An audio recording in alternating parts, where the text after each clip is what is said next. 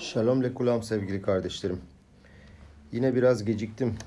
Şlah Leha peraşasını sizlere aktarabilmek için ama Şniur Eşkenazi'nin bu haftaki peraşası, peraşa yorumu daha doğrusu son derece uzun fakat kapsamlı yine bilimle bağlıyor. Müthiş e, dış dünyadan ve çağdaş dünyadan örnekler var. E, inanılmaz bir ders, tam bir mücevher. Umarım size ve Akadosh Baruch'un yardımıyla düzgün bir şekilde aktarabilirim. Gelin başlayalım. Rav bu hafta CBT'den bahsetti. CBT Cognitive Behavioral Therapy İngilizcesi. Türkçesi de bilişsel davranışçı terapi. Şimdi bunu size anlatıyorum çünkü e, CBT'nin yani bu psikolojik terapi yönteminin Tora ile olan bağlantısını, Yahudilikle olan bağlantısını izah ediyor Rav. Onu size aktarmadan evvel CBT'nin ne olduğunu biraz araştırdım. Rav Nesim Eşkenazi'nin e, e, web saytından bir takım küçük açıklamalar aldım. Önce onları size açıklayayım. Daha sonra da Rav'ın dersine girelim. Şöyle izah ediyor Rav Eşkenazi. E, CBT terapisi diyor, inançların, beklentilerin ve düşünce yapılarının ki tüm bunlar bilişselliğin bileşenleridir tespitine ve değiştirilmesine ve bunlarla birlikte duygusal sıkıntı ile başa çıkmanın bir yolu olarak davranış kalıplarının değiştirilmesine ve duyguların düzene sokulmasına odaklanır. CBT düşüncelerin, duygusal duyguların, bedensel hislerin ve eylemlerin birbirine bağlı olduğu anlayışına dayanır. Daha sonra göreceğiz. Rav ise bunu e, mahaşava, dibur ve mase yani düşünce, konuşma ve daha sonra eylem üçlüsünün e, bir sisteminden bahsediyor. Burada da CBT düşünceler, duygular ve bedensel hisler ve eylemler dediği için bir e, paralellik kurmak istedim. CBT geçmişteki konulara odaklanmak yerine mevcut sorunlarla uğraşır. Yani kızımla da görüştüm. O da psikoloji okuduğu için yardımcı olmaya çalıştı bana. Diyor ki kızım da şöyle bir şey söyledi. Geçmiş versiyonlarına dedi barış ve onlardan yararlanarak şimdiki sıkıntılarını çözmeye çalış. Kabullenme ve kararlılık da olması lazım diyor e, Raveş Kenazi ve doğrudan kontrolün altında olmayan her şeyde kendini olduğun gibi kabul et ve hayat değiştirici eylemleri kararlılıkla üstlen. Bu CBT'nin bilimsel açıklaması. Şimdi geçelim Rav Schneur'un bu haftaki dersine. Rav diyor ki öyle diyor davranışlar, öyle anlayışlar var ki diyor. Bunu diyor dünya ile paylaşmak istiyorum. Ve dinlemeye herkesin, dinlemeye hazır olan herkesin kulaklarına haykırmak istiyorum. Gerçekten bunu söylerken anlıyorsunuz kalpten bu e, bilgelikleri, bu e, güzel fikirleri herkese aşılamak istiyor ki insanlar biraz daha huzurlu, biraz daha mutlu, yükselen bir hayatla yaşayabilsinler. Yapıcı ve etkileyici olsunlar. E, ve diyor ki depresif, eziyet ve kendini arayan hayat arasında bununla yapıcı ve etkileyici hayat arasında bir kıyaslama yapıyor. Ve her zamanki gibi en değerli tüm kavranışlarda olduğu gibi bunları genelde şahsi seviyede öğreniyorsun diyor. Yani Rav diyor ki e, bunları öğrenebilmek için e, maalesef kendi şahsi problemlerini görmek lazım ve onunla birlikte e, dersleri almak lazım. Rav'ın başından bir şey geçmiş. Diyor ki Rav gençliğinde maalesef bazı sıkıntılar yaşadım diyor. Ve e, bu sıkıntıları Hasidik temeller ve Kabalistik Yahudi temellerle CBT'nin e, kavramlarıyla birlikte birleştirerek nasıl e, çözüm aradım ve bu konuyu nasıl açtım bunu anlatmak istiyor. Diyor ki gençken toplumsal endişe ve rahatsızlıkları çekermiş. Birçok soru varmış kafasında. Acaba ben kimim? Benim yerim ne? Bana ne kadar değer veriyorlar? Arkadaşlarım beni seviyor mu? Geleceğim ne olacak? Benim neye kabiliyetim var? Yeteneklerimle ilgili şüphelerim var ve bu öyle bir seviyeye geldi ki diyor Rav. artık beni çok rahatsız etmeye başladı ve ruh halimi ve moralimi de etkilemeye başladı. Ve birdenbire bir mucize oldu. Bir adamla karşılaştım ve bu adam Rav değildi, psikolog değildi, doktor değildi. Fakat geçmiş göç, e, görmüş geçirmiş, çok eksperyansları, deneyimleri olan akıllı bir adamdı. Ve e, hayatımın her anında beni etkileyen ve hayatımı değiştiren bir yönlendirme, bir rehberlik göstermiş ona. Ve diyor ki Rav ben her hafta diyor burada ders verebiliyorsam ve bu dersleri hazırlayabiliyorsam onun sayesinde diyor. Hakikaten Rav Schneur'un e, dersleri ve website'ı tıklanma rekorları kırıyor. Bak demiş iki yol var. Ya demiş bir psikolojik terapiye girersin ve e, bir terapistin biri seninle oturur. Ruhunun derinliklerini kazımaya başlar. Köklerine iner. Endişenin, sıkıntılarının ve stresin, zihinsel e, streslerinin köklerini arar. Ve kaybettiklerini tamamlaya, tamamlamaya ve sende olmayan şeyleri kompanse etmeye, yerine koymaya başlarsın. Ama çok zaman alır diyor bu. Ve ya başarırsın ya başaramazsın. Veya diyor başka bir şey yaparsın. Kaygı oluşumlarını engelleyebilirsin. Yani kaygıyı oluşturan sebepleri alırsın. Onları engellersin. O kilide hakim olursun. Kilidi kitlersin ve bilinç üstüne getiren zihinsel alana, hayatın faaliyetlerine ve yaşam alanına girmesini engellersin. Ben seninle diyor bir iki saat oturacağım. Daha fazla değil. Sana ispat edeceğim ki diyor bütün bu endişelerin ve bütün bu konuştuğun oluşumlar başından sonuna kadar aptalca ve palavra. Gerçeklikle hiçbir alakası yok. Gerçekten kopuklar. Ve senin korkuların ile gerçek hayat arasında bir bağlantı da yok. O düşünceleri tanıdıktan, tespit ettikten sonra diyor onların üzerine X işareti koyacaksın. Siyah çarpı.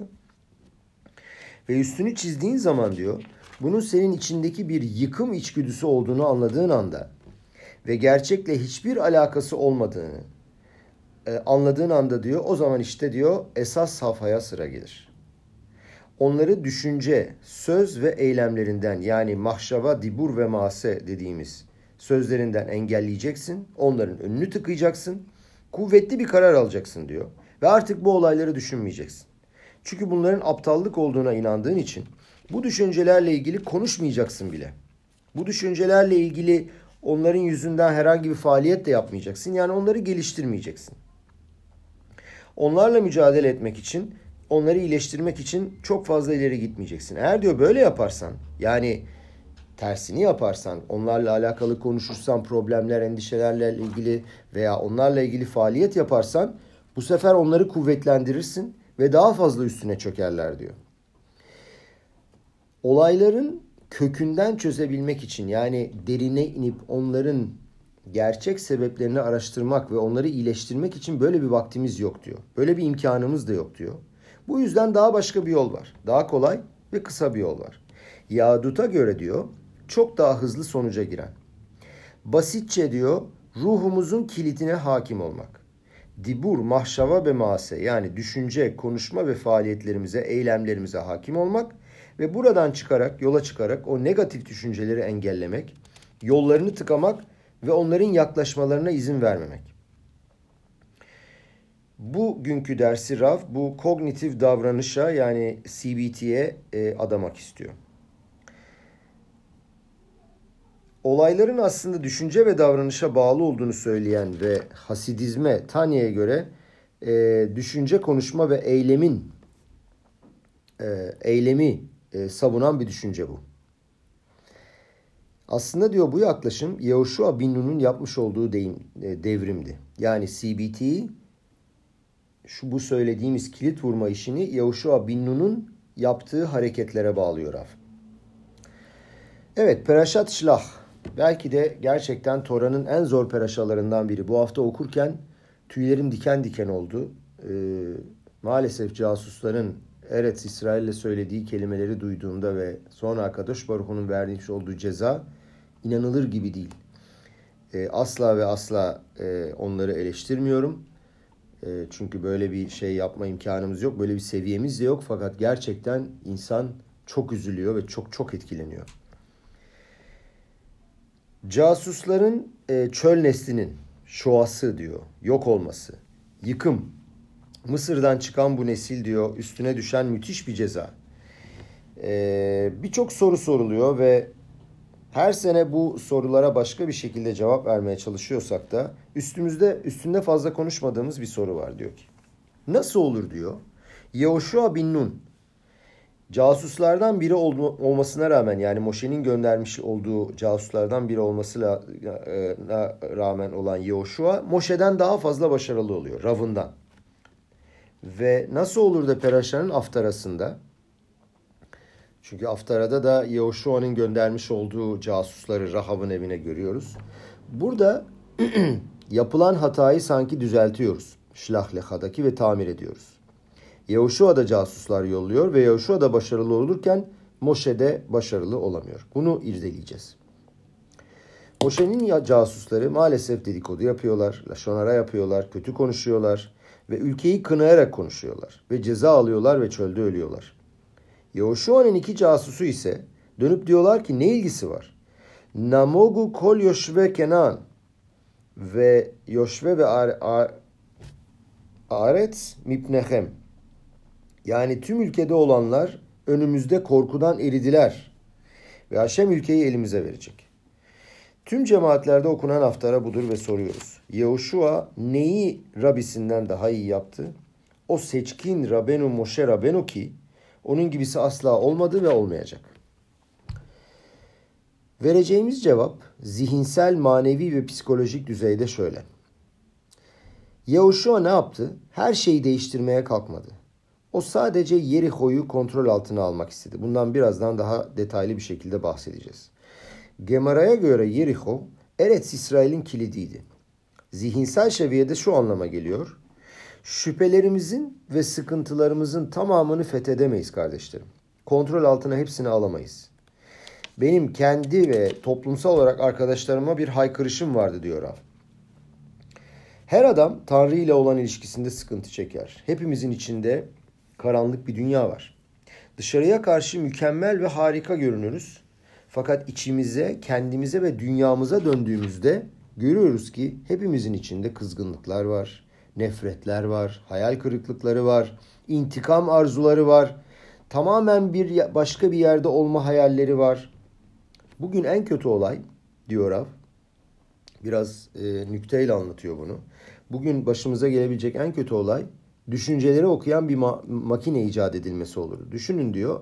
Bir aplikasyon var telefonda ve tüm düşüncelerimizi hissedip anlıyor ve ekrana yansıtıyor.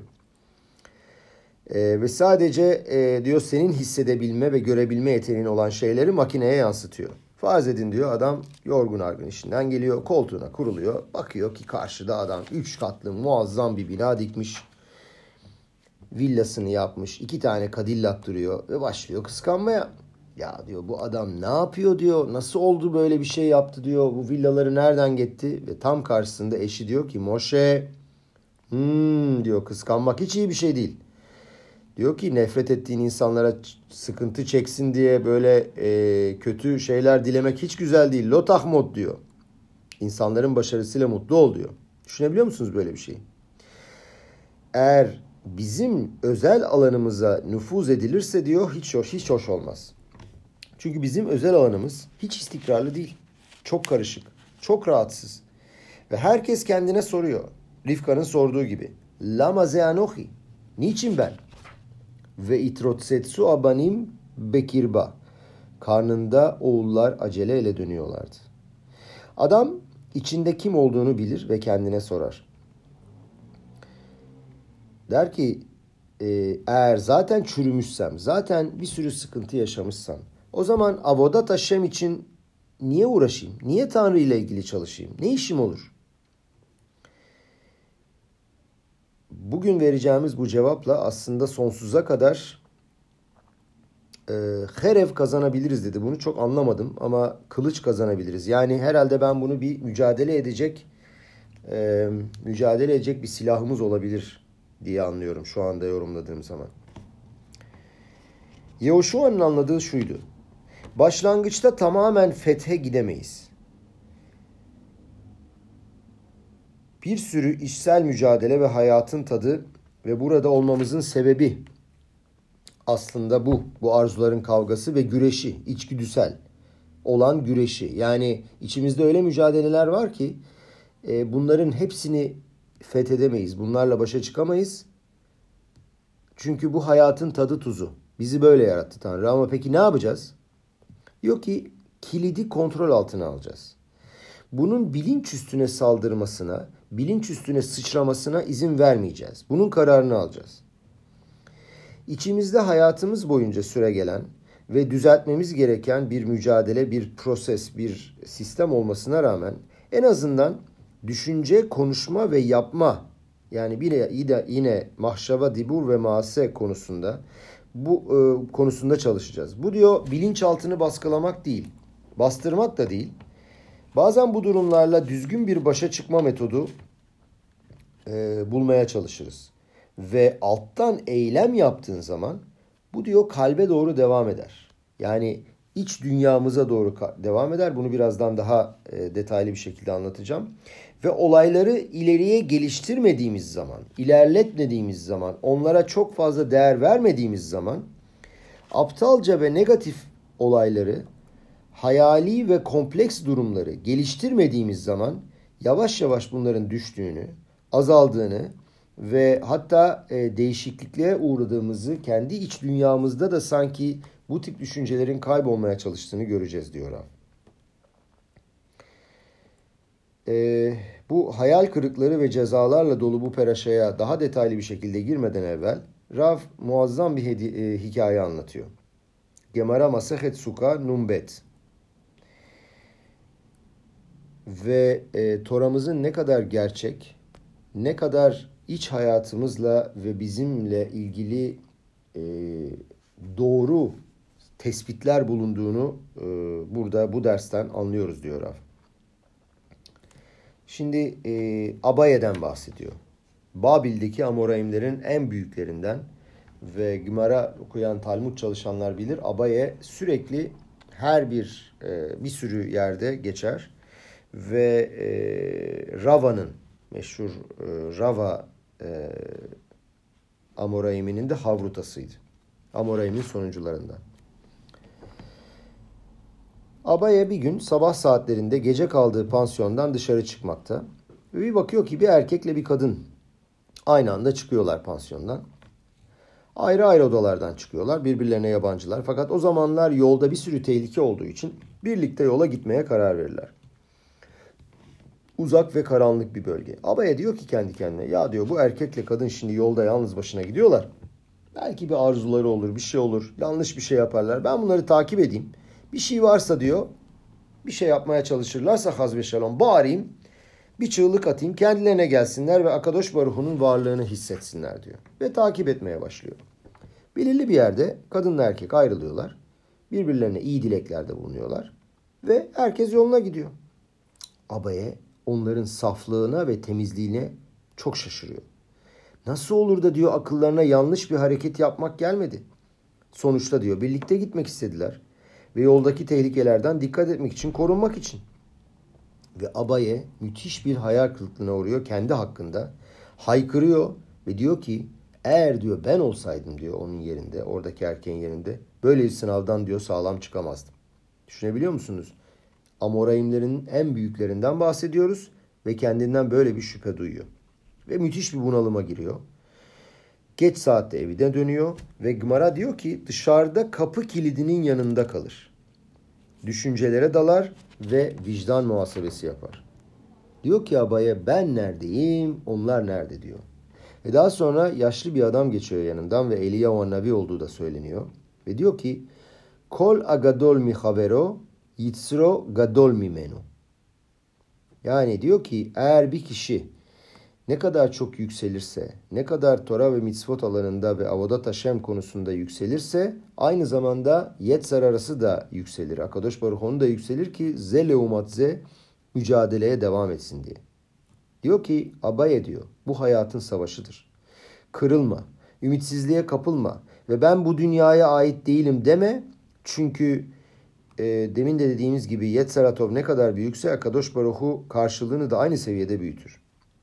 Gemara böyle anlatır ve hikaye burada biter. Ve bir keresinde diyor Rav çok fevkalade bir soru duydum. Bariz bir soru. Niçin diyor Abaye kapı kilidinin yanında kaldı? Doğru ya. E, al briyah adelet. Briyah da e, manul yani bariyer demek, sürgü demekmiş. Gir eve diyor. Bir çay yap kendine. Otur ve vicdan muhasebesini yap. Daha hiç duymadım diyor Eylül ayında vicdan muhasebesi yapan veya işte e, doğum gününde duygu ve düşüncelerini inceleyen bir adam çıksın dışarıda kapının önünde yapsın. Otur içeri yap. Ve e, bedensel vicdansal sayımı yani sfirat nafşit diyor. Soru şu niye abaya dışarıdan kapı kilidinin yanında kaldı? Birinci açıklama şu. Çünkü Abaye dışarıda kaldığını hissetti. Tüm bu olaylardan sonra iç benliği, kendi özü ve hayalleri başka bir yerde kaldı. Basit anlatıyorum diyor Raf. Dışarıya karşı o büyük Abaye, o Babil'in bilgesi, her kelimesi Ruah HaKodeş ile söylenmiş bir amora, fakat kendi içinde biliyordu ki hayvansal dürtüleri faaliyette ve düşünceleri ve arzuları mevcut ve onu bir yana itiyor ve yıkıyor. Dolayısıyla diyor ki ben içeri girmeye layık değilim. Ben dışarıya karşı bu kadar büyük bir amora gibi görünüyorum ama maalesef içinde öyle duygular var ki ben buna layık değilim ve böyle bir bunalıma giriyor. Ve diyor ki başkası eğer diyor benim gerçekte kim olduğunu bilseydi diyor dışarıda kalırdım. Acı çekmesinin ve hüsranının dışarı vurumuydu bu. Bu çok güzel bir fikir. Ama diyor ki Rav ben bugün bunun tam tersini savunmak istiyorum. Abaye Yahuşua bin Nun'un ortaya çıkardığı yeni düşünceyi bulmuştu aslında. Abaye anladı ki Akadosh Baruhu'nun ondan istediği şey kilidi kontrol altına almak. Tamam doğrudur diyor. İçimizde dürtüler var. Bu dünyada e, faaliyet gösteren hayvani dürtüler. Nefeş abemit, hayvani ruhumuz. Hüsrana uğramış ve memnun değil ve hep daha fazlasını istiyor.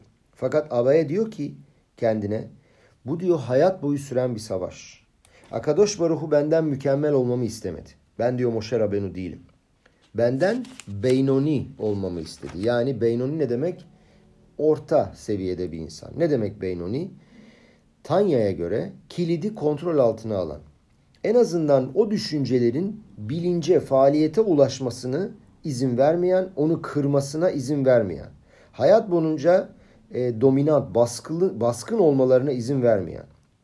O kilidi kontrol altına almak demek, o düşünceler yukarı çıkmaya çalıştığında onları engellemek, önünü tıkamak demek. Düşünce, söylem ve eyleme yani yine söylüyorum mahşava, dibur ve e, maseye izin verme. O zihnin kilitine hakim ol, zihni, nefeşi koru ve o kilidi kontrol altına al. İçsel düşüncemizle dış bilincimiz, faaliyet dünyamız arasını ayır. Bu dersin en büyük haberi bu diyor. En büyük hiduşu bu, yeniliği bu. Akadosh Baruhu bizden istediği bu sonsuz savaş hiçbir zaman bitmeyecek aslında. En azından içsel kısmımızla dış dünyamız, bilincimiz arasındaki kilidi kontrol altına al. Akadosh Baruhu'nun bizden tek istediği şu anda bu. Evet, Peraşat Şabua'ya başlayalım. Bu sadece başlangıçtı kardeşlerim. 23 dakika oldu. Şu anda Peraşat Aşabua'ya başlıyoruz. Biraz uzun. Gerçekten kabul ediyorum ki biraz uzun ama 2-3 e, kere de dinleseniz bile dinleyin. Müthiş mücevherler var. Dersin ilerleyen zamanlarında inanılmaz hiduşlar var. Peraşat Şlah muazzam bir soru çıkarıyor. İki soru var. Nasıl olur Yahushua bir kere casus gönderme hatasına geri verir, geri döner? Nasıl olur da Yahushua ülkeyi fethetmeye gideceği zaman dönüp aynı hatayı yapıyor. Bu kadar yıkıma neden olan ve tek e, bu kadar yıkıma neden olan olayı gördükten sonra gizlice iki tane casus yollar. Kime? Yeriko'ya, Rahav'ın evine. Oradaki düşman milletin ruh halini ve moralini görmek için. Ülkelerine girmek üzere olduğumuz e, şeyin e, halkın nasıl olduğunu görebilmek için. Biliyorsunuz Yahushua bin Nun da kendisi casuslardan biriydi.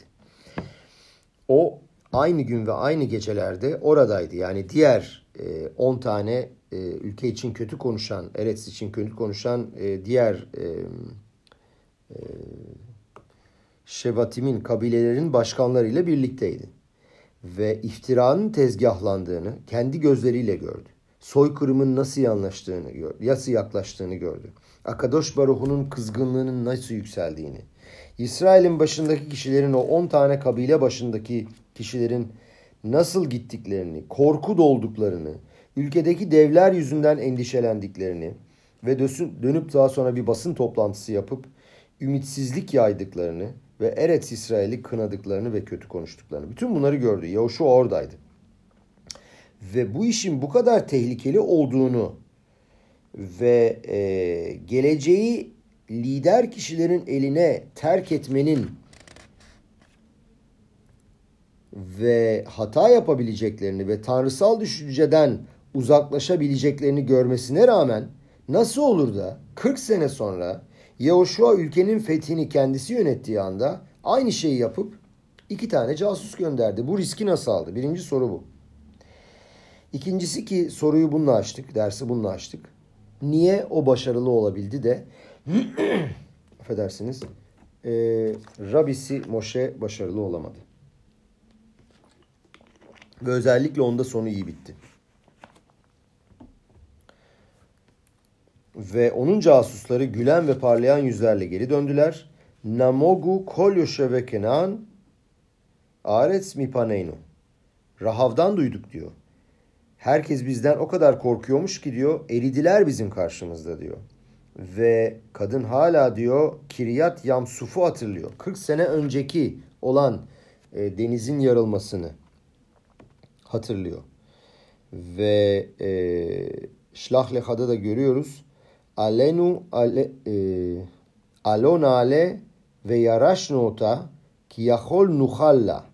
Elbette çıkıp onu ele geçireceğiz ve ona gücümüz tabii ki yeter diyen Şlahla'da diyen Şlahleka'da diyen Kalev ben Yefune aynı zamanda daha sonra da gittikleri zaman biliyoruz bu e, giden casuslar e, Kalev ben Yefune ve e, Pinhas'tı. Ve yine çok olumlu konuşuyorlar ve diyorlar ki bu iş tamamdır, bu ülkeyi alabiliriz. Evet ve soru bu. Niçin diyor bu casusları yolladı Yoşua ve başka türlü sonuçlanması için acaba ne yaptı? Gelin diyor Rav kısaca hikayeyi hatırlayalım. Tekrar Şlahleha'ya geri dönüyoruz. Kaftet ve Sivan, 29 Sivan. Casuslar Eretz İsrail'e doğru yola çıkıyorlar. Sinay'ın eteklerinde bir sene kaldıktan sonra artık son safhaya gelindi. Ve Mısır'dan çıkma sebebimiz olan son hedef Eretz İsrail'e girme zamanı gelmişti.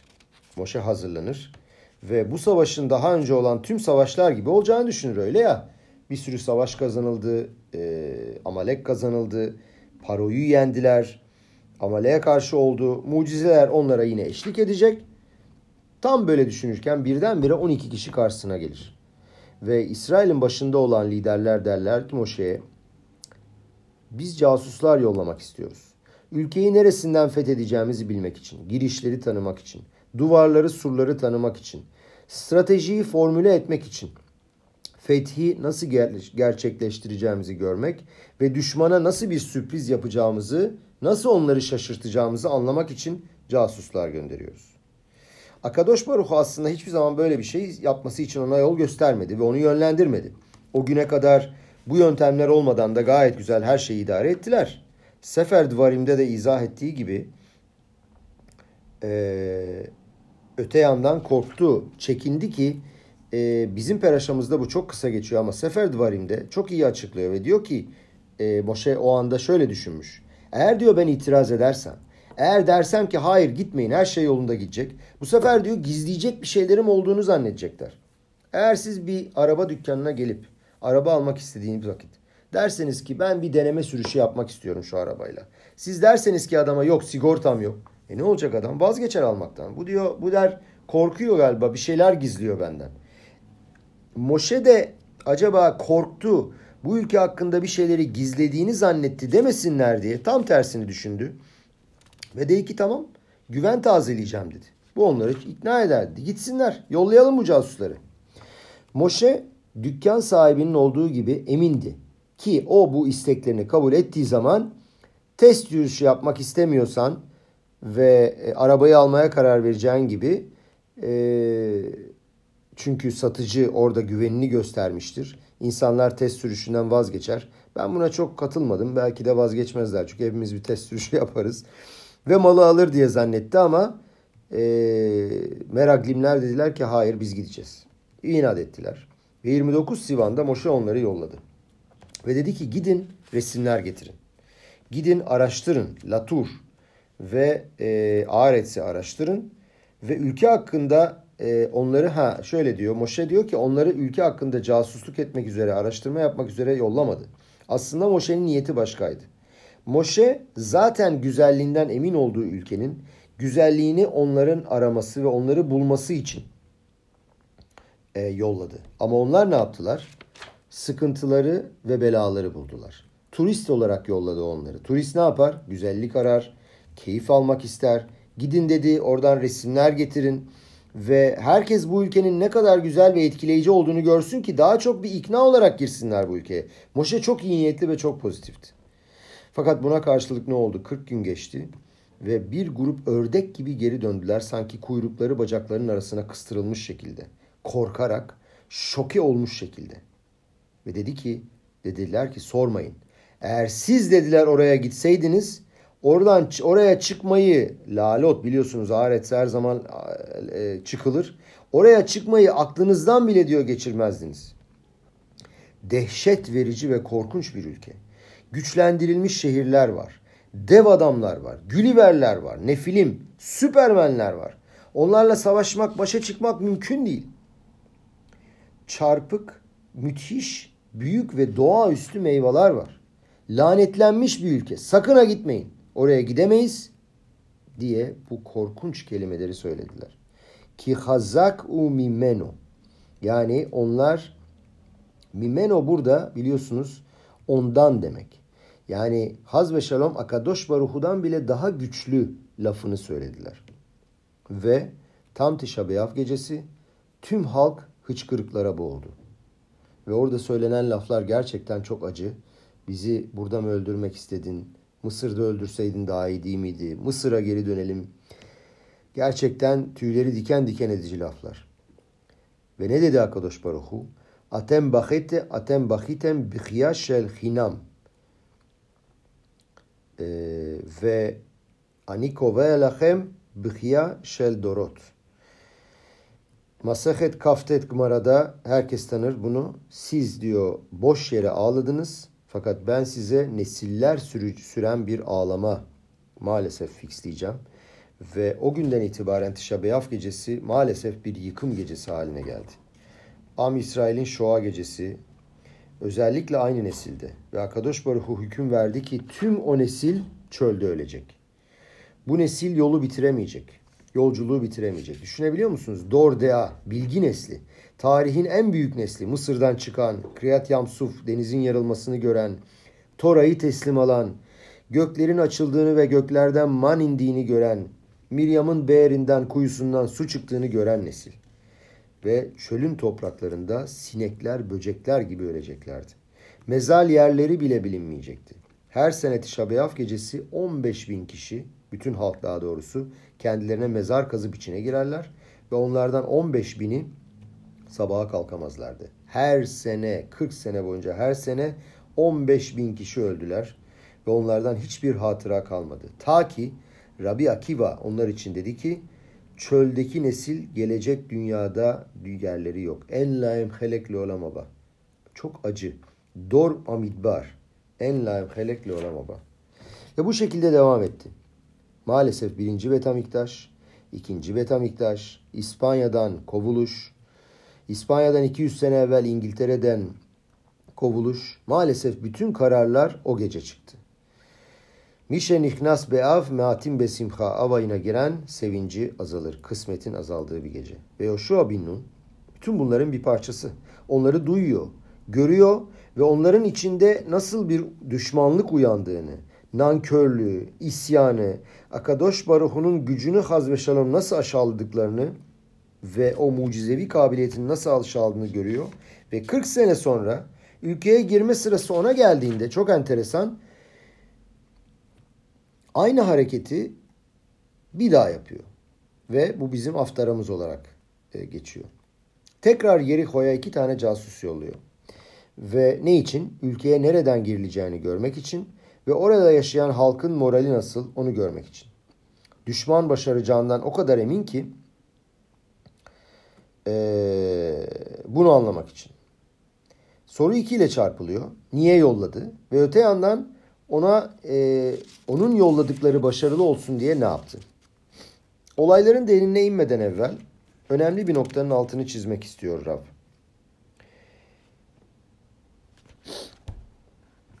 Şöyle diyor Rab. Diyor ki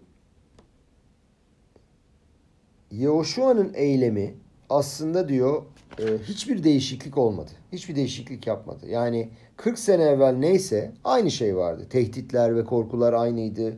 Tehlikeler 40 sene evvelki gibi kaldı. Nasıl ki 40 sene önce doğal yoldan ülkeyi fethetmek mümkün değildiyse ve casuslar dehşet içinde dönmüşlerdi. Onun şu an yolladığı casuslar da dehşet içinde dönmeleri gerekiyordu. Dönebilirlerdi. Çünkü o zaman da hiçbir şey değişmedi. Muazzam bir noktayı burada anlamamız lazım. Ve e, burada e, Şlahleka'da giden casusları birazcık e, korumak demeyelim ama onları e, justify etmek için yani korktuklarını anlatmak için bir takım e, argümanlar veriyor abi. Diyor ki aslında diyor Moşer Rabenu'nun casusları yalan söylemediler. Onlar tam ne gördülerse onu anlattılar. Hatta hata diyor onların çıkardığı sonuçtaydı. Yani biz oraya giremeyiz dedikleri için demeleri lazımdı ki sıkıntılarımız çok büyük fakat Akadosh Baruch onlardan daha büyük çözebilir bunları. Ama özünde korkuları ile ilgili yalan söylemediler. Hatta Sefer Dvarim'in başında korkunç cümleler var. Moşer Rabbeinu diyor ki casusun söylediklerinden çok daha sert şeyler söylüyor. Peraşan'ın başındaki diyor Ramban şöyle söylüyor. Ramban'a göre Moşer Rabbeinu ülkenin fethiyle alakalı tehlikelerle ilgili daha sert laflar etti. Ne dedi? Yarden'i şu anda geçeceksin. Onlar gökyüzüne kadar çok büyükler. Çok büyük ve güçlü bir millet. Dev gibi adamların karşısında kim durabilir? Ve görüyoruz ki riskler değişmedi. O zamanki doğaüstü bir emuna ve bitahon nasıl gerekiyorduysa Yahuşua'nın casuslarına da gerekiyordu. Emuna ve bitahon, inanç ve müthiş bir güven gerekiyordu. Bunu biraz daha diyor keskinleştirmek istiyorum. Bununla ilgili harika bir detay anlatmak istiyorum. Ne korkuttu onları bu kadar? Ee, Moşer Rabbi'nin casuslarını ne korkuttu? Ee, İsrail'de diyor e, herkesin herkesin sorduğu gibi onlar nasıl diyebildiler gidemeyiz diye. Çünkü Akadosh Baruhu'dan daha kuvvetliler. Yani Paro'nun o nesil ki Paro'nun denizde boğulduğunu gördüler. Gökten inen ateş toplarını gördüler. Makat Behorot gördüler. Gökten inen manı. Tarihte en fazla mucizeyi gören bir millet nasıl olur da Akadosh Baruhu bu eylemi gerçekleştiremez der. Yani Akadosh Baruhu nefilimleri o dev adamları mı yok edemeyecek? Paroyu alt eden Akadosh Baruhu. Gelin bu nefilim olayını biraz anlamaya çalışalım. Onların iddiasında çok nadir görülen bir unsur var ki bu yüzden çok büyük bir risk gördüler ve haz ve şalom göklerden bile daha üstün olduğunu zannettiler. Ee, ne anlattılar? İsrail'den döndükten sonra dediler ki ne filmleri gördük. Bne anakim, anefilim. Biz onların yanında diyor çekirge gibiydik diyor. Gülliverlerle karşılaştık. Mistik devler bunlar diyor ve kendimizi onların yanında çekirge gibi, karınca gibi hissettik. Böyle bir fark orantı vardı. Peki nedir bu ne filmler ve niye bu kadar korktular? Rashi bununla ilgili çok garip bir şey söylüyor. Normalde Rashi'nin tarzı hiç olmayan bir şey söylüyor. Diyor ki e, geriye dönecek olursak Peraşat Bereşit'te Nefilimlerin bahsi geçmişti ve Rashi orada İbranice onları anakim, devler olarak tanımlamıştı. E, fakat nefilim gördük deyince nasıl yorumlamak lazımdı yine burada? Devler gördük demesi lazım. Tora'nın kendisi de böyle söylüyor. Tora'nın anlattığına göre Meraglimler Hevron'a geldiklerinde orada ne gördüler? Ahiman, Şeşay ve Talmay adında dört tane dev gördüler. Kiryat Arba'da zamanda yaşayan devleri gördüler. Tora'nın kendisi söylüyor dev gibi insanlar oraya. Ama Rashi bu şekilde anlatmıyor. Rashi diyor ki burada diyor çok efsanevi bir hikaye var. dehşet verici türden bir hikaye ki öyle bir hikaye ki kardeşlerim çocuklara uyumadan evvel söylenmesi yasak olan türden bir hikaye. Her milletin bir mitosu vardır bu konuda. Yani onlar için dehşet veren ve onlara kesinlikle anlatılamayan e, her ülkenin çok korktuğu şeyler vardır. Affedersiniz. Bunlar mesela cinler olabilir, ruhlar olabilir. E, Yahudiler aynı aradan, kötü gözden çok korkarlar. Ve bir sürü mistik güç vardır ki arka planda gezinip hiç kimse onları görmemesine rağmen onlarla başa çıkamayacağını bilemez. Am İsrail'in tarihinin başında garip ve ürkütücü bir hikaye vardı. Ve tüm dünyadaki kötülüğü, karanlığı sembolize eden ne filmler. Peraşat, Peraşat Bereşit'in sonunda çok garip bir pasuk var. Vayru bne Elokim et bnot adam kitovot ena. Elokim yani Tanrı'nın e, çocukları insan çocuklarını gördüler ve iyi olduğunu gördüler. Melekler ki bu Nelokim melekti.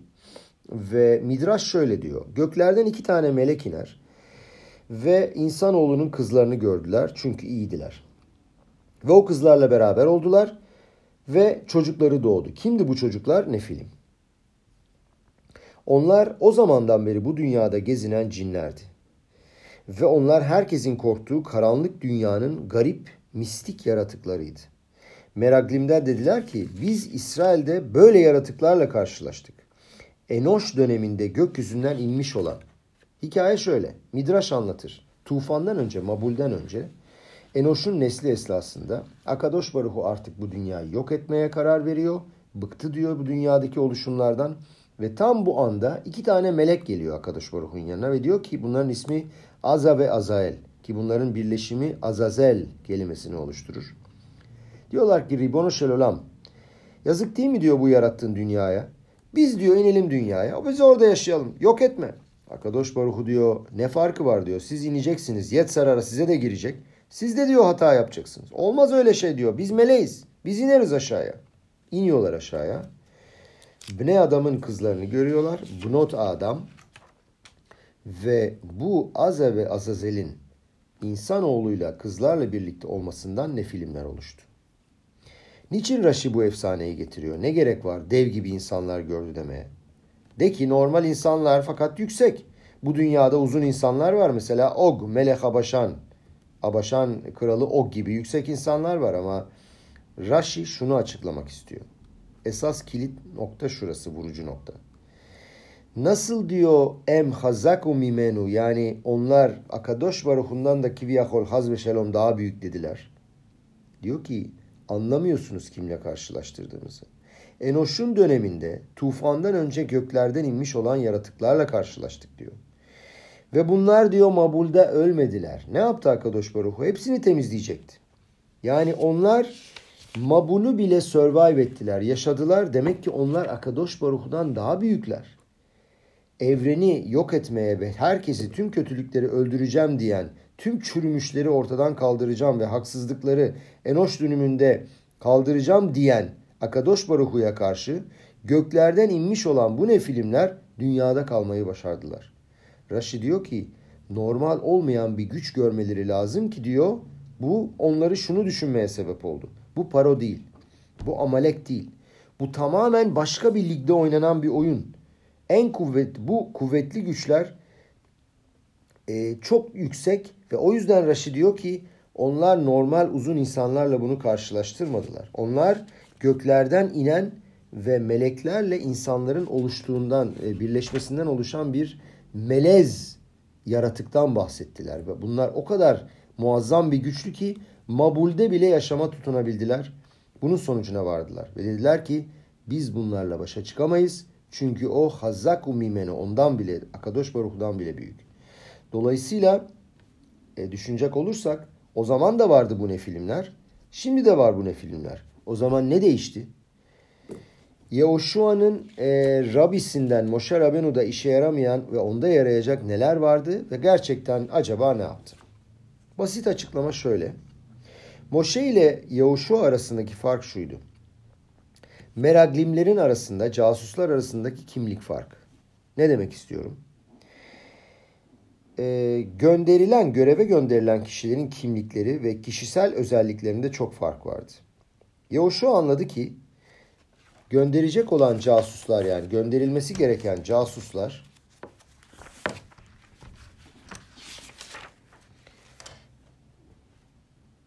e, aslında hata yapmadılar. Yani Moşe Rabenu aslında pardon e, affedersiniz yanlış söyledim. Yahuşu anladı ki Moşe Has ve Shalom Rabisi hata yapmadı. Görevin özünde bir hata yapmadı. İsrail'e gidiyoruz dedi. Yeni bir çağ, dönem başlıyor ve doğa yoluyla doğa yoluyla toprağa ekip biçmek lazım. Tohum dikmek lazım. Gökten inen man işi bitti. Artık orada doğal yoldan çalışacağız ve Akadosh Baruhu birçok kez hatırlattığımız gibi başlangıçta mucizeleri o yaptı. Sonradan da Bne Adam bizim mucizeleri gerçekleştirmemiz, Akadosh Baruhu'nun yardımıyla bizim gerçekleştirmemizi istedi. Ve Yoshua anladı ki bu ülkeyi doğa yolla, yoluyla fethetmek lazım. Casus yollamak, bilmek, açılışların nerede olduğunu, geçiş yollarının nerede olduğunu görmek yani istihbarat toplamak lazım dedi. Ve acaba oradaki halkın morali nasıl? Ülkede stratejik planlar yapmak lazım ve öyle fethetmek lazım dedi. Aslında Moshe Rabbeinu olayın özünde hata yapmamıştı.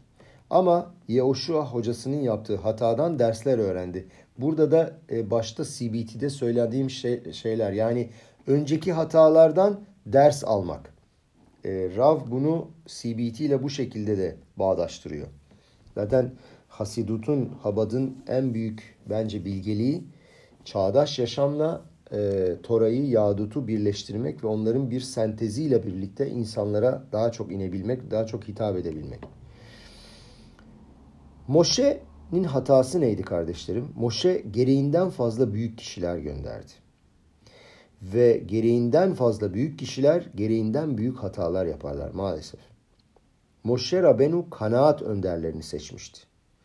Çok fazla akıllı ve zekalı, zeki insanları seçmişti. Talmide Hahamim, devlet adamları seçmişti. Fakat Yahushua ne yaptı? İki tane profesyonel yolladı. Her kabileden bir kişi toplam 12 kişi değil. Öyle ki Aftara'da isimleri bile geçmiyor. Midrash onların Yahuş, e, Pinhas ve Kalev ben Yefune olduğunu söylüyor ama aslında bilmiyoruz. İki tane sessiz Mossad ajanı gönderdi.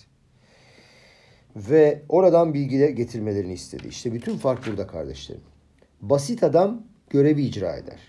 Gerçi ben buradaki basit adama çok e, da e, ikna olmadım. Çünkü Kalev Ben Yefune ve Pinhas'tan bahsediyoruz. Bunlar da bence devdi. Fakat Rav böyle e, tanımlıyor. Ben de saygı duyuyorum. Ve basit adam diyor bilir ki Akadosh Baruhu emretti. Ben onun ne dediğini yapmak zorundayım. Minha var, Minha'ya gideceğim. Arvit var, Mayriv var, Arvit'e gideceğim. Akıllı adam ise yani e, kabile başkanlarından bahsediyor. Kendi kendine görevler çıkarır. Zeka ve beyin adamın kendini doldurmasını, kendini mükemmel hissetmesine neden olur. Ve Tanrı'ya daha sonra atfedeceği teoriler yaratır. Yani öyle teoriler yaratır ki kendi kendine bunu herhalde Tanrı böyle istemişti der. Ve Yahushua'nın gönderdiği basit adamların ise saflığı ve masumiyeti vardı ve halkımızın güç aldığı ve dayandığı dürüst Yahudilerdi. Buna karşılık Moshe Rabenu aydınlar kesiminden Anşey Ruah kişiler gönderdi. Çünkü bu e, çünkü hedefler farklıydı. Moshe Rabenu turistler göndermek istedi. Pazarlama adamları. Geldikleri zaman ülkeyi öveceklerdi ve halkın kulaklarına diyeceklerdi ki ülke çok güzel, ülkeye girmeleri için halkı motive edecekti. Moshe Rabenu'nun derdi buydu ve pazarlamacılar göndermek istersen kimi gönderirsin? Kabile başkanlarını gönderirsin. Kabileyi etkileyebilecek, halkı etkileyebilecek liderleri gönderirsin.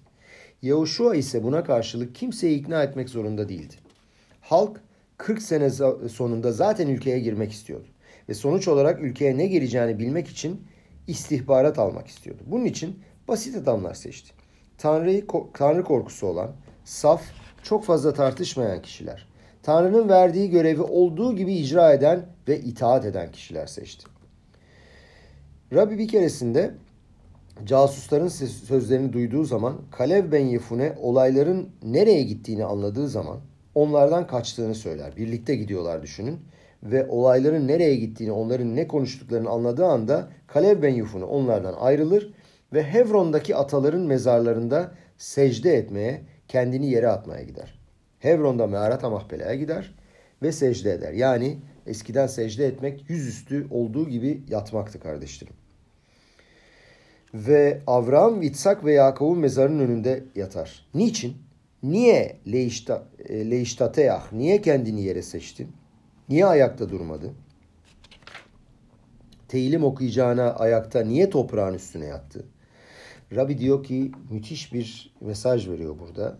Diyor ki ayakla başı karşılaştırmak, kompare etmek için. Yani ayağıyla başını aynı seviyeye koyuyor. Ee, malakimlerin tarzını terk etmek istedi. Meraglimlerin tarzını terk etmek istedi. Merag, meraglimler ne yapıyordu eski casuslar? Beyinlerinde sürekli yeni görüşler yaratıyordu. Kendine özgü, bağımsız ve orijinal görüşler.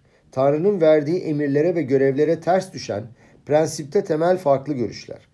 Ve başı ayaklara kompare etmek isteyince Kalebi Pune dedi ki baş Tanrı'nın isteklerine boyun eğmesi için ayaklara ve emunaya itaat etsin. Yani aynı seviyede gitsin. Kendini iptal etti ve Akadosh Baruhu'ya itaat etmek istedi ve e, atalarının berahasını istedi ki Aşam onu kurtarsın ve o meraglimlerin orijinal fikirlerine de uymasın diye. Bu mesaj çok önemli kardeşlerim. Akadosh Baruhu bize bunu anlamamız lazım. Akadosh Baruhu bize akıl verdi, bilgelik verdi ve çok zeki ve üstün bir, e, üstün demeyelim ama çok zeki bir milletiz. Ama Akadosh Baruhu ne istiyor? Onun torasını öğrenmemizi istiyor. Fakat anlamamız lazım ki akıl kendi orijinal fikirlerimizi oluşturmaya sebep olur. Ve bir yerden sonra senin ne dediğinle Akadosh Baruhu'nun ne dediğini hatırlamaz olursun. Akıl seni öyle bir hisle doldurur ki diyor Rav, kendi başına bir şeyleri yaratabilirsin, olayları yeniden yorumlayabilirsin ve ana temel mesajdan uzaklaşana kadar bu iş uzar gider. Yehuşua'nın casusların hikayesi masumiyetin zaferidir. Masumiyetin, profesyonelliğin, dürüstlüğün zaferidir. Neye karşı? Büyük bilgelik ve rasyonalizme ve gerçekçiliğe karşı. Yani meraglimlerin yaptıkları bilgelik ve rasyonalizm kendi kafalarından bir şeyler yapmak ki bu maalesef ülkenin başındakilerin düşüşüne sebep oldu. Burada bir sipur anlatıyor Rav. Bunu biraz kısa geçeceğim. Ee, Rusya'da Ben Gurevich isimli bir Habad, Habad ailesinin önemli e, bir Habad ailesinin bir çocuğu varmış. Ve o zamanlar yakalanmış ve Rusya'da onu bir çalışma kampına göndermişler. Fakat Sibirya'ya değil, merkeze yakın ve göreceli olarak şartları biraz daha iyi bir e, yere göndermişler. Burada yemek var, tefilin takabiliyor. E, fena değil durumu yani. Buradaki esirler de mahkumlar cüzdan dikiyorlarmış. Ve deri dolu bir depo varmış içinde deri olan. Ve tüm Rusya'ya bunu pazarlıyorlarmış. Bir gün e, bütün hafta çalışıyor ve şabat günü geliyor. Oturuyor makinenin üstüne, makinenin, e, makinenin yanına. Ayağı basamıyor. Yani ayağı artık faaliyet gösteremiyor, reddediyor. Biliyoruz ki e, Deoraita Tora'dan bir yasak dikiş dikemezsin. Şabat yapamazsın. Beş dakika geçiyor, ayak yürümüyor. Yönetici geliyor, görüyor çalışmadığını. Bak diyor ben seni severim diyor, düzgün bir adamsın. Ama diyor şabat olduğunu da biliyorum. Şabatta yasak olduğunu da biliyorum ama olmaz diyor. Bak seni rapor edeceğim diyor birdenbire düşünceler kafasına gelmeye çalış, gelmeye başlıyor Berlin. Diyor ki bir yandan rahat burası. Yemek var, tefilim var. Hayır desem beni Sibirya'ya gönderecek. Hayatım tehlikede. Pikuah nefeş. Tefilin takamayacağım. Yemek yiyebileceğim, yemek yiyemeyeceğim ama diyor ki ben diyor bu kadar senedir korumuş olduğum şabatı nasıl ihlal edebilirim? Ben Akadosh Baruhu'nun beni nereye yollayacağını ben mi planlayacağım? O biliyor. Şabatı ihlal edemem, yapamam diyor ayağı hareket ettiremez, çalışamaz. Ve yönetici bağırır ve diyor ki, der ki o haftanın pazartesi günü seni mahkemeye bekliyorum.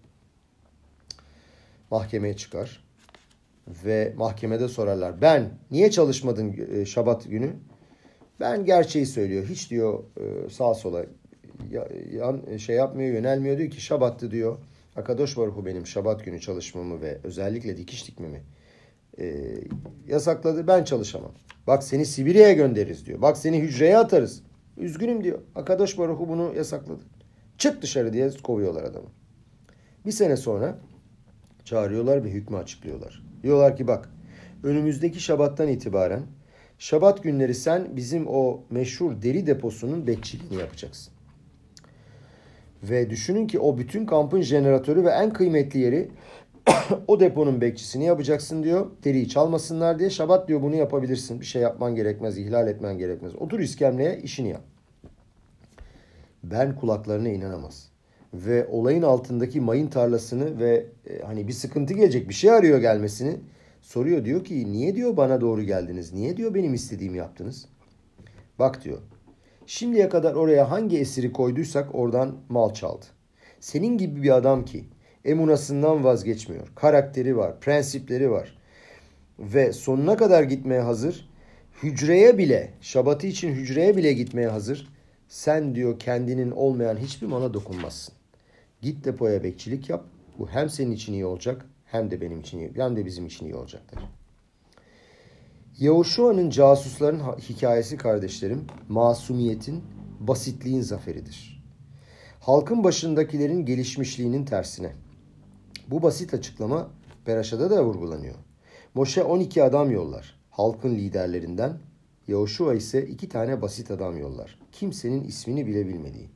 Moşe pazarlama arar. Yahuşua ise istihbarat. Ona iki tane basit, basit adam yeter. İşi yaparlar ve büyük bir güven içinde geri dönerler. Ülkeye çıkabiliriz ve başarabiliriz. Namogu kolyoş ve ares mi paneynu. Yani bizim karşımızda bütün ülke eridi kaldı. Şimdi buradan biraz daha derine inmek istiyoruz ve Moşe ve Yahuşu arasındaki farkın derinliğine inmek istiyoruz. Bu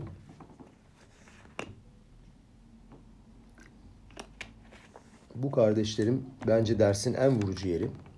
Yani buraya kadar sabırla beni dinlediyseniz bunu da dinlemenizi tavsiye ediyorum. John Nash. Bu geçtiğimiz yüzyılın en önemli matematikçilerinden biri. Affedersiniz. Ekonomi ve maliye dalında tüm dünyayı etkilemiş insanlarından biri. Hayatta çok başarılı olmuş. Fakat maalesef bir kısmında da büyük zorluklar yaşamış. 30'lu yıllarda evlendikten birkaç sene sonra karısı birdenbire farkına varıyor ki adamda bazı değişiklikler olmaya başlıyor. Adam kendisiyle bir takım mücadelelere giriyor. Gözleri korkuyla doluyor ve dehşet içinde kalıyor. Tartışmalar ve savaşlar yönetiyor sanki. İçindeki hayali karakterlerle savaşlar yapıyor. Soruyor John neyin var ne yapıyorsun diyor. Diyor ki bak diyor takip ediliyorum. İçinde sesler duyuyorum. Gözümün önünde imajlar görüyorum, karakterler görüyorum, kırmızı kravatlar takan ve hepsi beni takip ediyor. Hepsi bir komünist kampa e, ait. Amerika'da ihtilal yapmak istiyorlar ve hep onu takip ediyorlarmış ve başlıyor onlarla savaşmaya. Gece gündüz takip ediyorlar beni. Ve adamın durumu gittikçe ciddileşir. Ve düşünün ki e, Amerika Büyükelçiliklerine, Amerika'daki organizasyonlara mektuplar yazar. O kadar inandırır kendini o komünist organizasyon ve ilgili tehlikelere karşı ve bilincini kaybeder, hastanede hastalanır ve bir psikiyatri kliniğinde tedavi görmeye başlar. Senelerce çok ciddi şizofreni tedavisi görür. Ve daha sonra yavaş yavaş e, aldığı ilaçlar ve tedavi sonunda iyileşir ve bununla başa çıkmayı öğrenir ve hayata geri döner. Geçenlerde diyor e, birisi Rav'a bu adamla ilgili bir e, bölüm göndermiş ve gerçekten çok sarsıcı ve bütün bu anlattıklarımızı her şeyden çok izah eden bir küçücük bir video göndermiş. John Nash ile ilgili bir film yaptılar. Çok enteresan. Bulabilirsem izleyeceğim ben de o filmi. Size de tavsiye ediyorum. Ve bir sahne var. Diyor ki gerçek mi yalan mı bilemiyorum diyor. Raf hayali mi yani sanki böyle filmin e, etkisini artırabilmek için mi bilmiyorum diyor ama çok diyor müthiş etkileyici bir sahne. John Nash Nobel ödülünü almaya gider ve ödülü aldıktan sonra salondan karısıyla birlikte çıkarlar ve e, bir dakika evvel dünyanın en önemli bilim adamlarından biri E, bütün gözler onun üstünde. Aldığı ödül yanında. Milyon dolarlık zarfı da alır ve karısıyla birlikte salondan dışarı çıkarlar. Ve aniden karısı fark eder ki tekrar adam kaybolmaya başlar. Yine o hallerine sanki geri dönüyordur. Gözleri acı içinde küçülmeye ve kapanmaya başlar. Ve yine kendi içinde konsantre olmaya ve karısından kopar. O kırmızı karakterleri görmeye başlar. O komünist olan savaştığı ve onu takip etmeye başlarlar ve kadın haykırır. O dünyanın tepesindeki adamı düşünür ve şimdi sanki tekrar o yıkılan karaktere dönüşür. Onu bitiriyor ve içten sanki ona hükmetmeye başlıyor. Ve kadın haykırır ve birdenbire adam geri döner. Büyük bir gülümsemeyle karısına bakar ve der ki tamamdır. Her şey yolunda karıcığım gidelim. İşte o an diyor Rav onun iyileşme anıydı. Düşüncesiyle kendisi arasındaki o ayrımı yapabildi. Yani hayali fantazisi o şizofrenin ona vermiş olduğu hayaliyle kendisi o düşünceye yani o onu takip eden düşünceye o kırmızı işareti koyar, üstünü çizer, onu başarır ve der ki bu ben değilim. Bu bir hayal, bu bir fantezi. Bana hükmetmeye çalışıyor bu, bu dürtü. Fakat benim görevim ne? Benim görevim o kilidi kitlemek. İçinden kopup gelen o düşünceler ile bilincim, idrak ve anlayış arasındaki yere kilit vurabilmek. İşte o baskın mahşava, dibur ve mase arasındaki e, baskın arasındaki e, kilidi vurabilmek ve öğrendi ki bu hayaller, çılgınlıklar ve cinnet içten yukarı doğru çıksa bile onun bunları engelleyebilecek bir kilidi var, bir bariyeri var. Ve diyebildi ki ben bunları düşünmeyeceğim, bunu geliştirip güçlendirmeyeceğim, bunlarla konuşmayacağım ve bunu eyleme dönüştüremeyeceğim. Buna kardeşim, kardeşlerim şöyle diyorlar. Hok amahşava aşniya. İkincil düşünce kanunu adı veriliyor. Yani diyor ki düşüncelerin ve gelişini, bu düşüncelerin, bu negatif düşüncelerin gelişini, kalbimizden yukarı çıkışını engelleyemeyiz. Onların patlamasının önüne geçemeyiz. Bu bir içgüdü, bu doğal. Adam yolda giderken mesela lota turu ahare levavhem ve ahare benehem yani gözlerinizin ve kalbinizin peşinde gitmeyin. Kafasına düşünceler geliyor. Bir şeyler geliyor ama o ilk çıkışı diyor engelleyemezsin. Ama ikinci düşünceyi engelleyebilirsin. Bunu daha fazla geliştireceğim, bunu daha fazla geliştirmeyeceğim diye karar alabilirsin. Düşüncemizi diyor durduramayız. Fakat dikkatini başka bir düşünceye yönlendirebilirsen ve bunu eyleme geçirmezsen tam tersini yapabilirsin. Baal Atanya'ya dayanarak Rabbi dedi ki, Yehoşua'nın ve Moşe'nin ülkedeki fetihteki içsel mantık ve düşünce farkı işte buradaydı diyor. Tora ve Haftara'da bu açık seçik yatmakta. Görevlerin çerçevesi çok farklı. Fark kişilerde değil, çerçevede. Görevlerin tanımında. Moşe Rabenu casusları gönderiyor tüm ülkenin tamamını görebilmek için. Güneyden kuzeye, doğudan batıya tüm ülkeyi dolaşırlar. Keşfetmek üzere, araştırmak üzere ve bu yüzden de 40 gün sürer zaten. Yehoşua bin Nun ne yapıyor? Casusları sadece Yeriko'ya gönderiyor. Yeriko Midraş'a göre Eretz İsrail'in kilidi konumundaydı. Yedi tane sur tarafından güçlendirilmiş bir şehirdi. Ve Eretz İsrail'in güney tarafından girişinde bulunuyordu. Bugün dahi Yeriko Eretz İsrail'in güney girişidir. Yarden nehrini geçen kişi Ürdün nehrinden, Ürdün'den kutsal topralara geçmek için Alembi köprüsünden geçer ve batıdan Yeriko'ya girer. Yeriko öylesine güçlendirilmiş bir şehirdi ki kimse onu teslim alamamıştı o tarihe kadar. Yahuşua şöyle dedi. Eğer ben ülkenin merkezinde bulunan bu Yeriko'yu düşürürsem oradan kuzeye, güneye, doğuya ve batıya gitmek çok kolay olur. Ruhani anlamda ise kardeşlerim bunun tercümesi şöyle. Moşe Rabenu sadikim yaratmak istedi. Sadikler yaratmak istedi. Mükemmel kişiler. Öyle bir nesil yaratmak istedi ki tüm ülkeyi içsel kuvvetleriyle birlikte fethetmek istedi. Tüm iç alanlarıyla beraber. Yani kişinin endişeleri, kızgınlıkları, pişmanlıkları, arzuları, kıskançlıkları içeriden tamir etmek istedi. Kendisine psikoanaliz yapmak istedi ve problemleri kökünden çözmek ve tamir etmek istedi. Hayal kırıklarını kökten tamir etmek istedi. Halbuki Yahushua bu kadar iddialı bir girişe çıkmadı. Ne dedi? Yahushua dedi ki bu çok uzun bir çalışma dedi. Bu dedi sadikler için Kim diyor hislerini, karakterini takip edebilir? Kim onlara hakim olabilir? Bunun yerine gelin şöyle yapalım.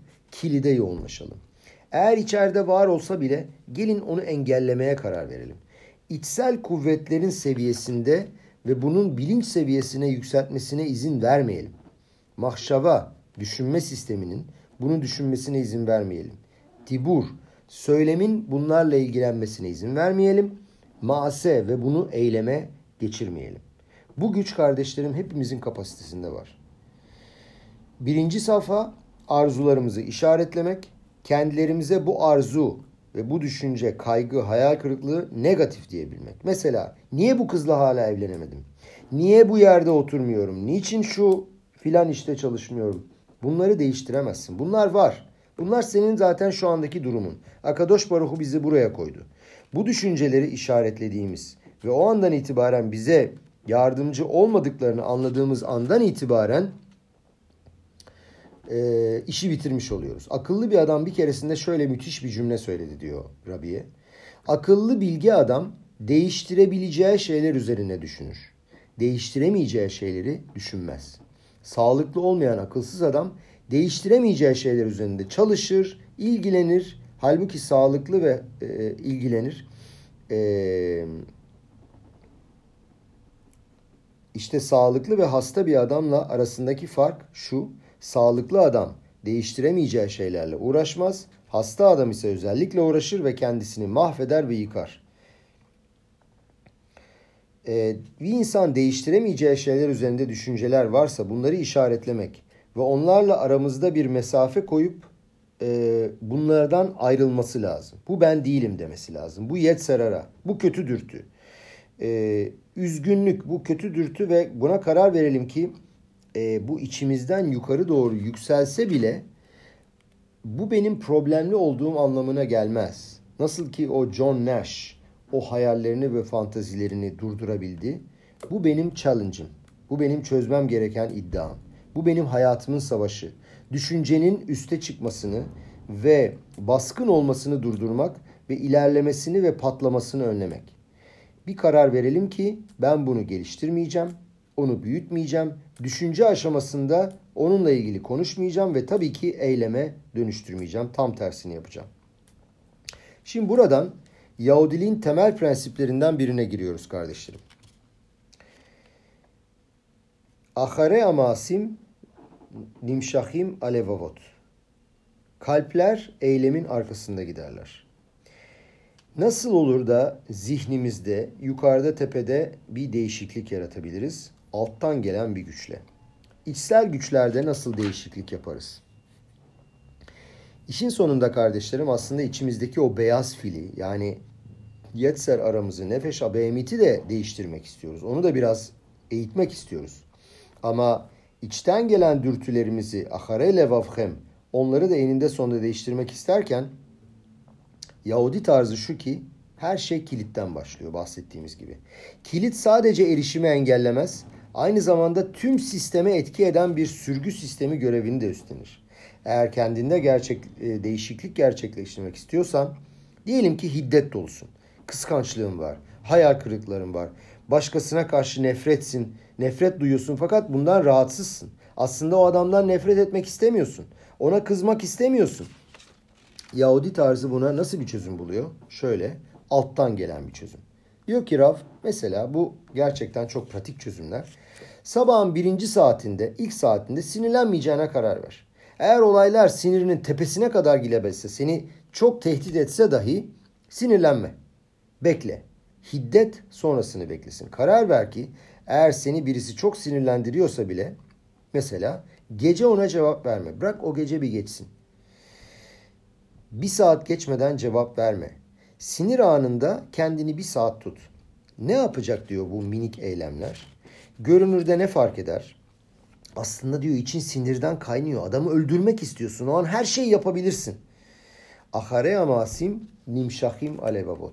Eğer kendini bir saat durdurabilirsen yavaş yavaş içinde de sakinleşirsin diyor Rav. Ve tam tersine ve bundan daha fazla sakinleştikten sonra birden anlarsın ki olaylara oturaklı bir şekilde bakmak da mümkün. Patlamak zorunda değiliz. Acele etmek zorunda değiliz. Akıla e, ve zekaya ve anlayışa yer açabiliriz. Bu kilit sadece negatif düşüncelere engel olmaz, aynı zamanda değişim de yaratabilir. Tüm iç dünyamızdaki karakterimizdeki değişime de yol açabilir. Mesela birine çok sinirlendiğimizde karar ver, vermişsek ve ona kızmak istemiyorsak, ona mesela özellikle sinagogda iyi davranmaya karar verelim. Buna söz verelim. Ona günaydın diyelim. Ona sabırlı ve toleranslı olalım. Bu çok hızlı bir şekilde ona karşı davranışımızı da değiştirir. Ona karşı olan sinirimizi de azaltır. Gerçek şu ki aşağıdan yukarı doğru yükselir. Son iki hikayeyle bitiriyorum. Biliyorum çok uzattım. Ama bu müthiş bir ders bence ee, ve çok vakit harcadım. Umarım beğenirsiniz. İki tane çok güzel hikayeyle bitiriyorum. Chicago'da bir çift var. Weiss çifti ve düğünden evvel Rabbi Milovavich'e e, Yehudut'a giriyorlar.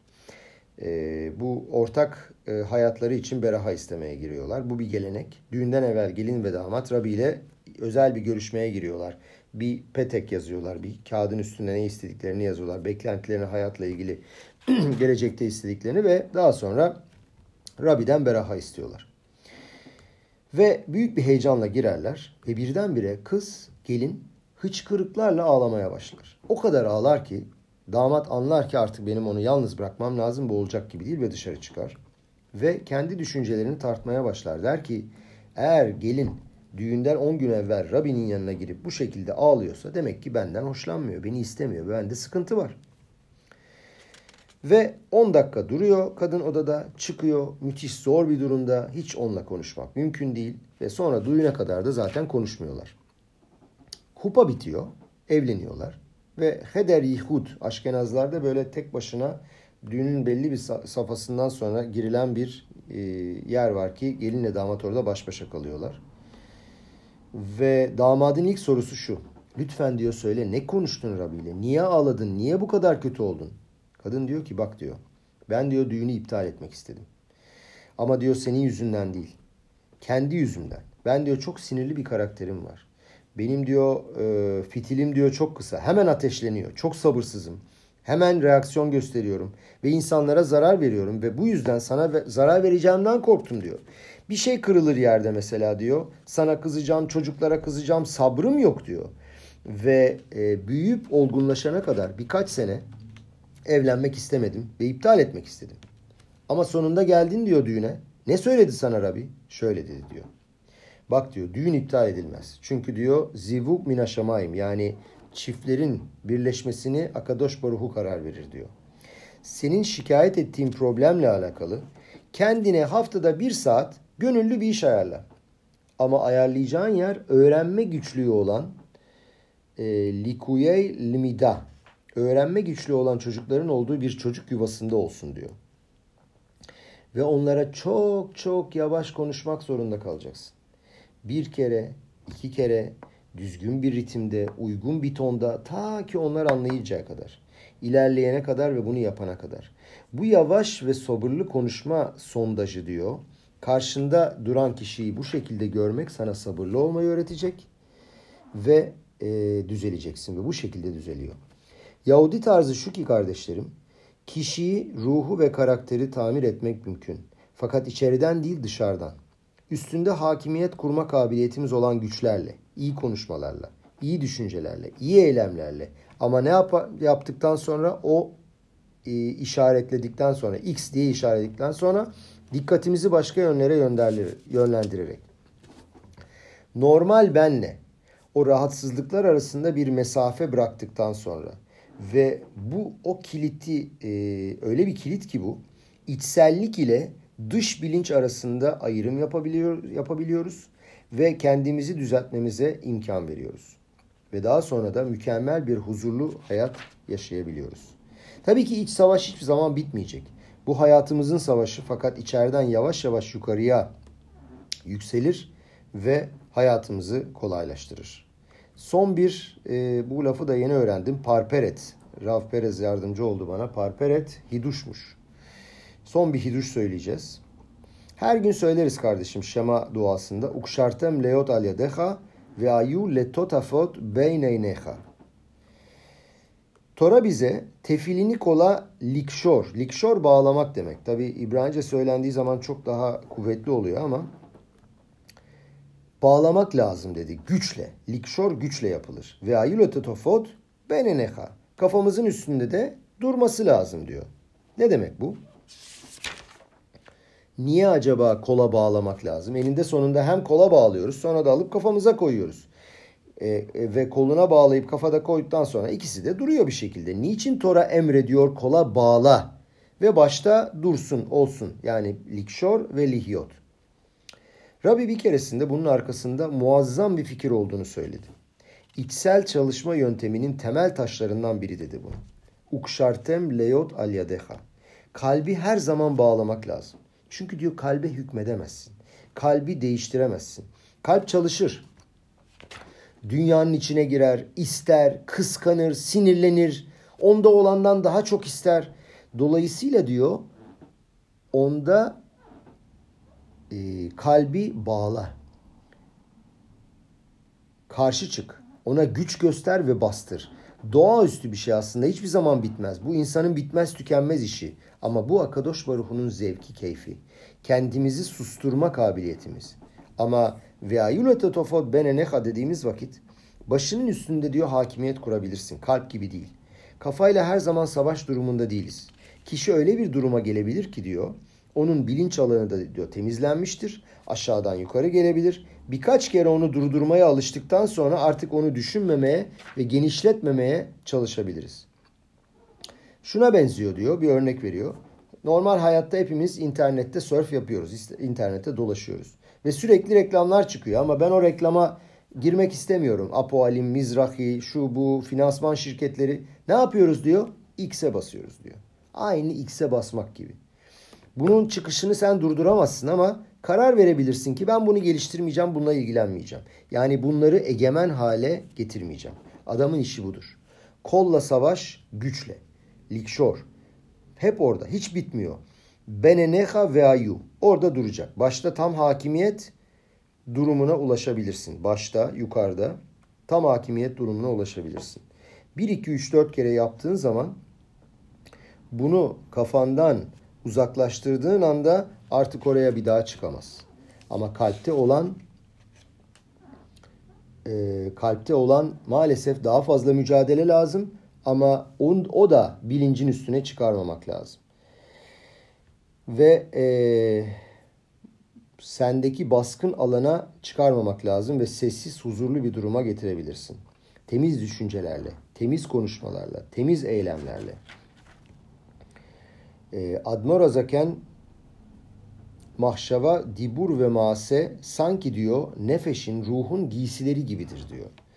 Nefeşin kendisi değil. Dolayısıyla onları durdurup değiştirmek, nasıl elbiseleri değiştirebiliyorsanız e, mahşava, dibur ve maase yani düşünce, konuşma ve eylemi de değiştirebilirsiniz. Adam güzel bir elbise giyerse diyor hissiyatı değiştir. Dıştan içe doğru etki eder ve onun hissiyatını da değiştirir. Gelin kardeşlerim kilidimize konsantre olalım. İçimizden her zaman düşünceler çıkacak ama bunları bastırma gücümüz var. Bunlara hükmedebilelim bu e, negatif düşüncelere ve onları sakinleştirebilirim. Ve Akadosh Baruhu bize yardımcı olsun ki onları tamir edelim, iyileştirebilelim ve bu şekilde daha iyi, daha huzurlu bir hayata ulaşalım. Amen ve hen yeratson.